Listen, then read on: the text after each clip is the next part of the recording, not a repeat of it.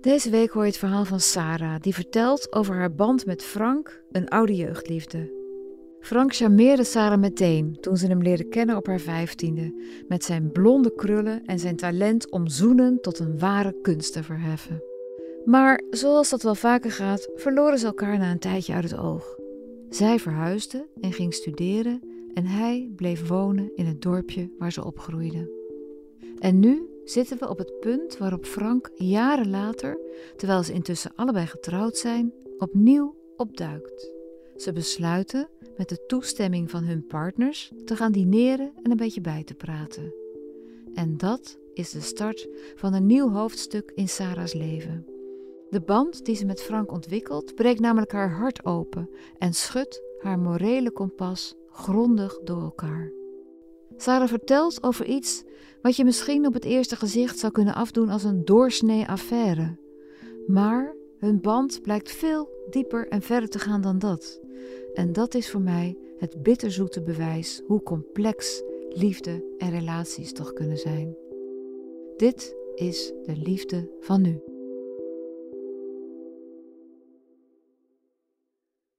Iemand weet wie ik ben en waar ik vandaan kom en wat ik heb meegemaakt. En het is fijn dat je met woorden, maar vaak ook zonder woorden, ehm, kunt praten met elkaar. En dat was allemaal aan de hand met Frank. En dat was allemaal aan de hand met Frank. Kregen jullie een verhouding? Of bleef het al die tijd? Het bleef uh, jaar in jaar uit, bleef het bij één etentje uh, per jaar. En um, af en toe eens uh, whatsappen. Eigenlijk veranderde er niets. Tot een jaar of zes, zeven later belde hij van... joh, ik ben vanavond in Rotterdam. En uh, met collega's. En daarna gaan we wat drinken. Vind je het ook gezellig om iets te gaan drinken? En dat was natuurlijk een breuk in hoe we het tot nu toe hadden. Dat was heel wat anders. Dus ik heb wat overlegd met mijn man. En ik heb gevraagd van, vind je dat oké okay als ik wat ga drinken? Nou, dat was geen probleem. Uh, ben Rotterdam ingegaan. We hebben gezellig met vrienden in diverse cafés wat gedronken. Er was nog steeds helemaal niets veranderd. Alles was hetzelfde. En hij zei op een gegeven moment: Ik breng jou naar je auto toe. Ik zei, nou, heel galant. Dus we zijn naar mijn auto gelopen. En daar gebeurde het ineens weer. Net alsof we naar toen we 15 waren. Ik keek hem aan. En ineens waren daar die vlinders weer. En ineens een onbedwingbare neiging om te kussen. En de hele wereld viel weg. Alles viel weg. En um, we schrokken er ook allebei van. Ik uh, ben toch vrij snel daarna in de auto gestapt. En ik was zo uh, van het pad af dat ik niet meer naar huis kon rijden. En want ik wist niet hoe ik dit uit moest leggen. Ik denk, iedereen ziet aan me dat ik heb gezoend. Um, dus ik kan niet naar huis. Dus ik ben in de auto blijven zitten. Ik ben naar Schiphol gereden. de andere daar, kant op? helemaal de andere kant op in de middle of nowhere in het donker. Het was elf uur s'avonds. Ik heb mijn vriendin gebeld. Ik zeg, ik weet niet wat er is gebeurd, maar ik heb staan zoenen en ik ben helemaal van slag. En ik weet niet hoe ik naar huis moet. Um, dus ja, een kind die doet alsof de wereld vergaat. Dus ja, zo voelt het wel een beetje. Want ik ben een hondstrouw en dit, is, dit past helemaal niet bij mij. Ik heb mijn man uh, wakker gemaakt. En uh, ik zeg, ja, dit is misschien heel raar wat ik nu zeg. Uh, maar ik heb net gezoend met Frank. En uh, ik wil niet dat dat een eigen leven gaat leiden. Dus als ik het je nu gewoon vertel, dan is er niks geheimzinnigs. En dan, ja, doe maar ermee wat je wil. Maar dan, dan is het eruit. Want ik voel me er ergens ook niet prettig bij. Nou, hij reageerde echt heel erg lief. Hij zei, nou, is goed dat je het eerlijk hebt verteld. En ja, dat kan gebeuren. Maak je niet druk. Uh, dus dat viel reuze mee. En de volgende ochtend werd ik wakker. En ik had gehoopt dat alle vlinders weg waren. Maar ja, die waren er nog steeds. hey, en die zoen, was die uh, weer een beetje hetzelfde als toen je 15 was? Was hij nog steeds zo'n goede zoener? Ja, nog steeds. En, en, en ja, dat mag je dan misschien niet zeggen. Maar ik zoende met hem weer zoals vroeger. En zoals ik nog nooit met mijn eigen man had gezoend. En dat was heel verwarrend, want dat hoort niet. Dat had je met je man eigenlijk nooit zo op die manier gehad? Nooit. nooit. Wij uh, hadden ook uh, wat dat betreft een wat problematische fysieke relatie. En um, ineens dacht ik van ja, maar ik wil best wel vrijen en ik kan dat allemaal wel en ik vind het ook allemaal leuk. Je bedoelt dat je met je man geen seks meer had? met mijn eigen man, maar wel uh, met Frank. Maar je had ook met je man geen seks meer een tijdje? Uh, nou, een tijdje, dat is een understatement. Eigenlijk vanaf het moment dat mijn man zei: uh, Ik ben ook verliefd op jou. Uh, zullen we verkering uh, hebben? Ehm, kon ik niet meer vrijen. Is bij mij alles op slot gegaan. En dat vond ik zo erg.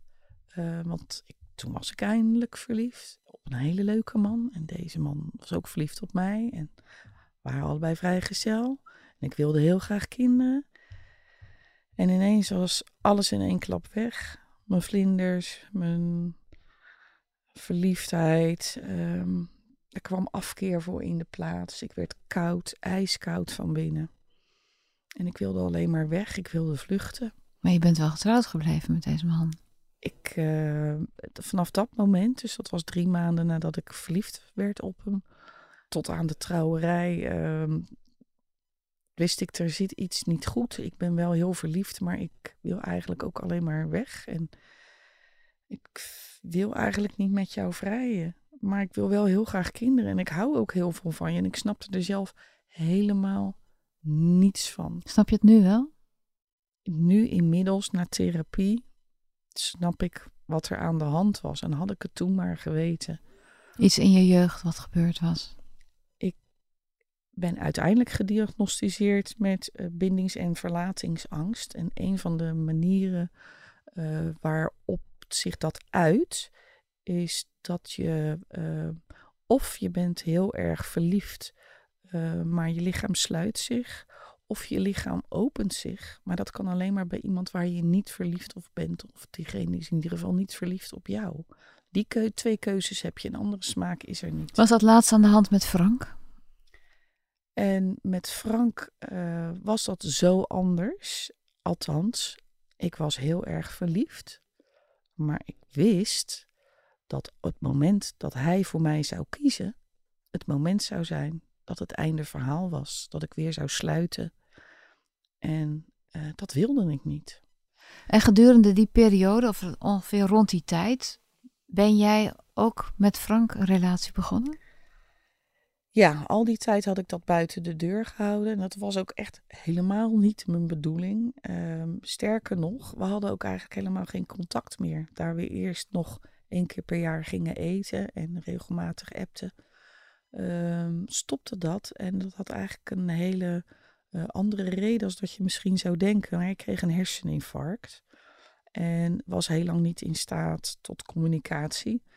Uh, mijn man, die inmiddels eigenlijk al zover was uh, om te gaan scheiden, zag zich geconfronteerd met een vrouw die heel veel hulp nodig had en een gezin wat draaiende gehouden moest worden. En hij had wel weg gewild, maar hij kon niet meer weg.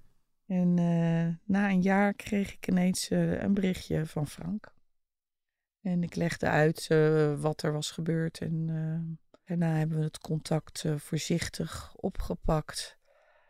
Ja, en toen, toen was het einde zoek. want op het moment dat ik me het slechtst voelde, mijn baan kwijt was, mijn gezondheid kwijt was, mijn man feitelijk kwijt was, uh, was Want jouw man wilde gaan scheiden eigenlijk? Daar, dat voelde ik. Hij zei het niet, maar ik voelde het wel. En toen stond, ontstond echt een relatie tussen en jullie? toen ontstond echt een relatie. werd er eigenlijk alleen maar nog verliefder als wat ik ooit was geweest. Hadden jullie seks? Zoenden jullie? Uh, we zoenden. Uh, Waar? Ja, dat, dat was altijd buiten. In een maisveld. In een bos. Omschrijf eens hoe je daar stond dan in het maisveld. Uh, dat zijn natuurlijk hele hoge stengels. Dus dan liepen we hand in hand tussen de hele hoge stengels door. Proberen niks stuk te maken. En dan had ik een heel groot picknickkleed bij me. Heel zacht en groot. En dan legden we dat tussen de stengels op de grond. En dan waren we helemaal in ons eigen wereldje. Niemand die ons zag, niemand die ons hoorde. Het was heel stil, alleen het ruisen van de wind. En dan uh, konden we weer eindeloos zoenen, zoals altijd. En uh, gingen we ook vrij uh, in het zonnetje. Ja, dat was heel mooi. Maar hoe was dat voor jou? Want je, je, je had voor het eerst. Je, je was, ten eerste was je net weer opgeknapt, dus je zag het leven weer een beetje. Maar het was ook voor het eerst een lange tijd dat je echt gewoon met, met een man kon vrijen. Want dat lukte met jouw eigen man niet. Hoe was dat voor jou om, om dat weer allemaal te kunnen voelen?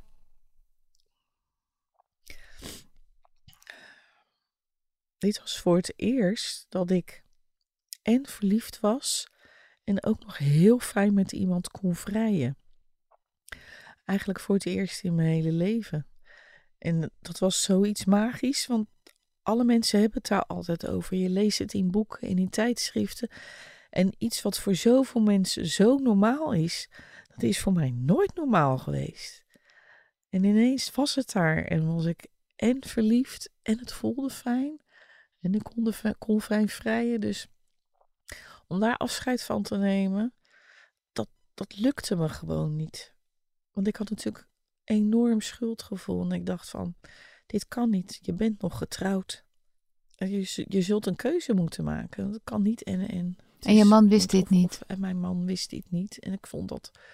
Ik schaamde me heel, heel diep. Waarom? die, die zijn leven aan de kant zette voor mij, voor ons gezin. Die alleen maar bezig was met de kinderen naar school brengen, werken, koken, het huishouden doen, mij verzorgen. Die kreeg als dank een overspelige vrouw. Dan ben je een slecht mens. En voordat ik het kon vertellen, werden we betrapt. We waren in een hotelletje geweest en ik reed naar huis en uh, ik kwam thuis en mijn man uh, zat op de bank.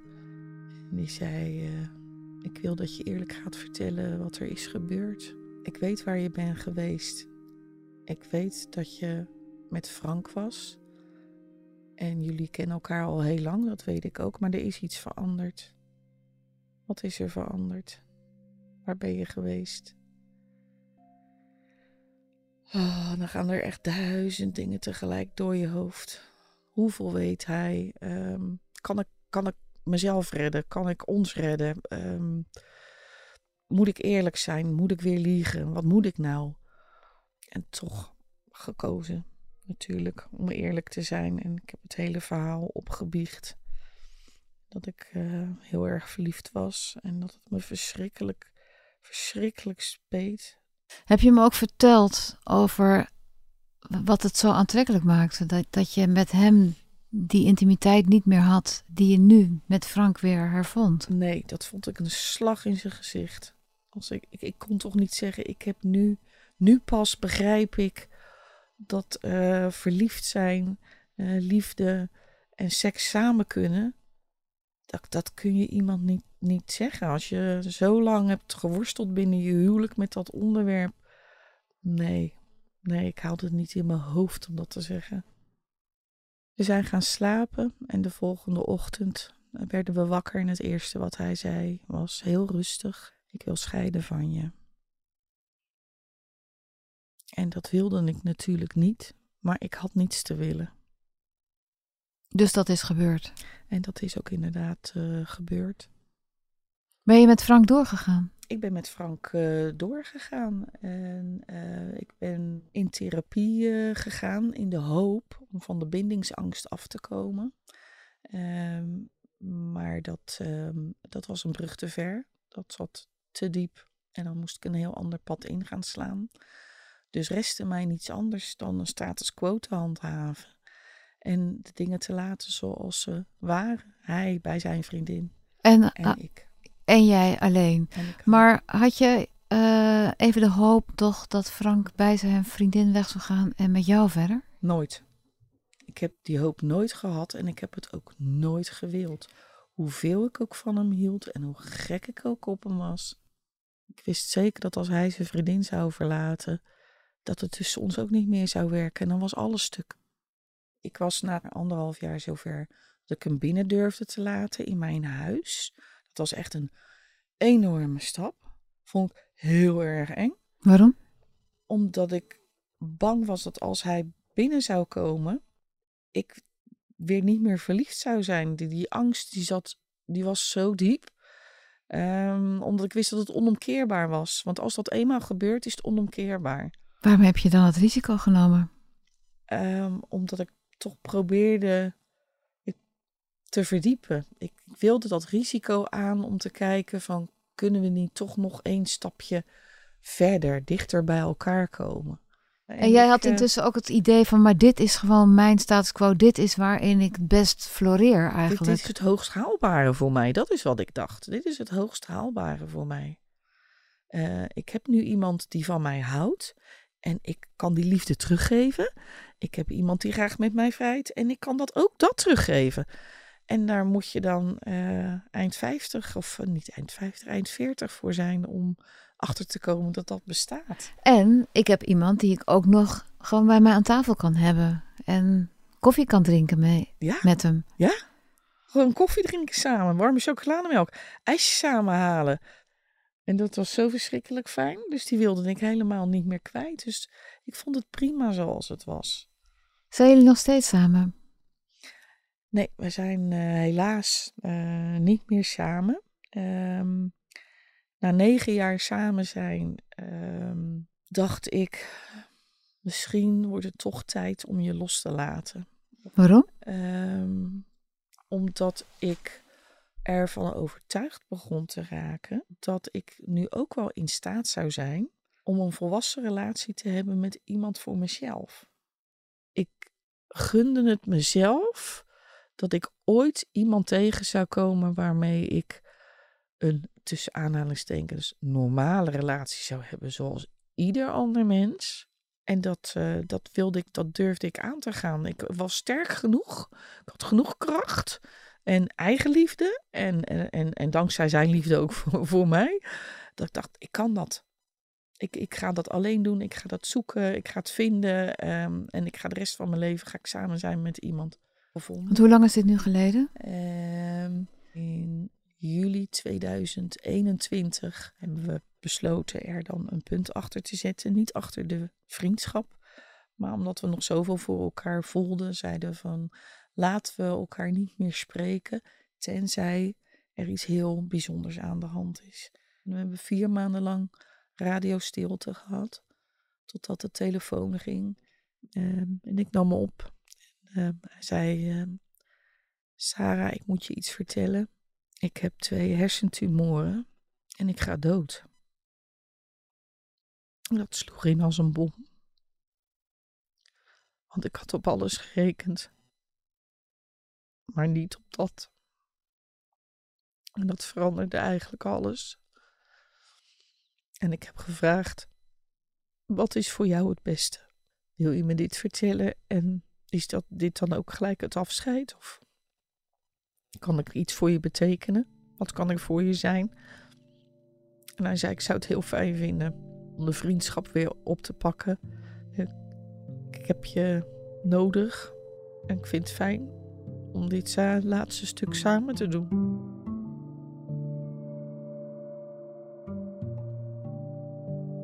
Hij was zelf zo optimistisch. Hij was ervan overtuigd van ik ga die uitzondering zijn uh, en ik ga het wel halen en ik ga mijn eigen dochter zien opgroeien en uh, dit, dit komt allemaal goed. En ik wist, mede door mijn medische achtergrond al van dit gaat hem gewoon niet worden. Maar dat heb ik natuurlijk nooit gezegd en ik bleef even blij en optimistisch met hem mee zijn. En ja, zo langzamerhand uh, merkte ik toch in de loop der maanden dat het voor hem moeilijker werd om te schrijven en moeilijker werd om te praten. Uh, en we hebben een gesprek gehad uh, waarbij we zeiden: willen wij elkaar nog één keer zien? Want we hadden elkaar al bijna een jaar niet meer gezien. En het contact bestond louter uit mails en apps. Ja. En um, in eerste instantie wilde hij heel graag en heb ik het afgehouden. Uiteindelijk heb ik de knoop doorgehakt en heb ik gezegd dat ik het niet wilde. Maar dat ik uh, heel graag uh, bij hem bleef. Tot aan het einde. Appten jullie elke dag? Wij appten niet iedere dag, omdat hij inmiddels thuis uh, aan huis gekluisterd was. Hij zat in een rolstoel. Hij was incontinent geworden. Hij kreeg steeds meer moeite om de telefoon vast te houden. Zij zei tegen mij: Sarah, ik ga jou onder een andere naam opslaan. Uh, want mocht het moment komen dat mijn eigen vriendin uh, de telefoon gaat overnemen, uh, dan na al die jaren, dan komt alles nog uit. Dus jij bent iemand anders en jij bent een collega geweest van mij van vroeger. Dan weet je dat. De laatste paar weken voordat hij overleed, was communicatie haast niet mogelijk meer. Hij was zichzelf niet meer. Hij praatte anders, ook via WhatsApp. Zijn manier van schrijven werd anders. Hij gebruikte andere emoties dan anders. Uh, soms uh, liep hij over van liefde en andere keren was hij heel kil. Hij, hij veranderde. Dus ik merkte van dit, dit gaat vast niet zo heel lang meer duren. En uiteindelijk uh, was ik uh, met de kinderen samen op vakantie in Costa Rica. En ik had een berichtje gestuurd. Een heel oppervlakkig berichtje, want ik wist niet wie het berichtje zou lezen. Er stond alleen maar van harte gefeliciteerd met je verjaardag en een vlaggetje. En daar kreeg ik geen reactie meer op. En toen voelde ik al nu is het echt echt niet goed. En we hebben altijd een soort lijntje gehad samen. En op de dag van vertrek terug naar huis, het was morgens om vier uur, pakte ik de telefoon en ik zag een berichtje van hem. Ik dacht dat het van Frank was en het bleek een bericht te zijn van zijn vriendin.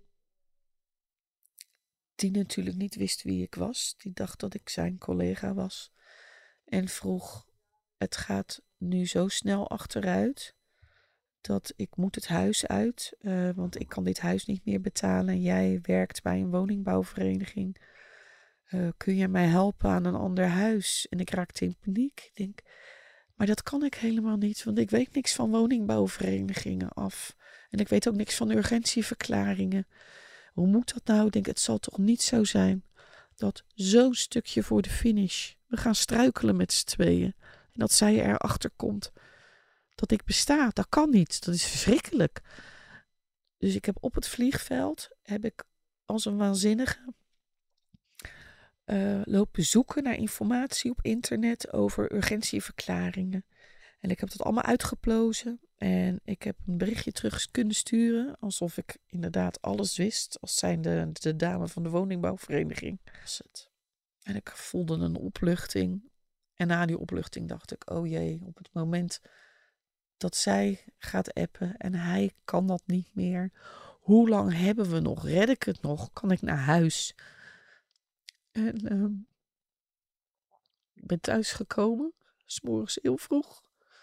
Ging mijn telefoon. Dat was een gemeenschappelijke vriend. En die zei: Ik moet je vertellen dat Frank is overleden gisteravond. En dan zit je thuis op je bank en je kan nergens heen met je verdriet. Dus ik heb de begrafenisondernemer gebeld en de situatie uitgelegd. En zij zei: Ik kan je helaas, ook al is het maar voor tien minuten, geen toegang geven. Want ik heb toestemming nodig van de nabestaanden. En ik kan ik niet vragen in jouw situatie. Ik zeg: Nee, dat kan je ook niet vragen. Dus we maakten geen uitzondering. Ik heb eens gehoord dat er wel eens een uitzondering wordt gemaakt. Nou, deze mevrouw, dat is een hele lieve mevrouw. Maar ja, die had zich denk ik ook echt aan de regels te houden. Ben je naar de begrafenis gegaan? Nee. Ik ken mezelf en ik wist dat mijn, uh, mijn verdriet zou mij verraden. En ik kon het vooral ook haar niet aandoen. Ik wil dat zij de rest van haar leven ervan overtuigd blijft dat haar vriend haar trouw was. Dat uh, en dat hun kind een vader heeft om trots op te zijn. Wat heb ik eraan? Dat te verpesten.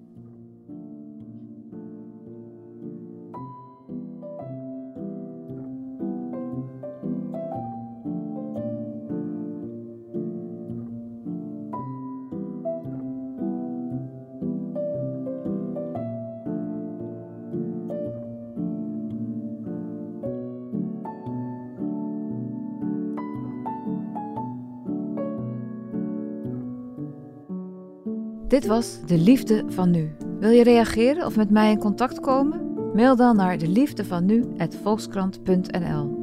Mijn naam is Corine Kolen. Ik maak deze podcast samen met Mona de Brouwer, tevens editor. Eindredactie en coördinatie is van Corinne van Duin en de begin- en eindmuziek is gemaakt door Juriaan de Groot. Dank je voor het luisteren.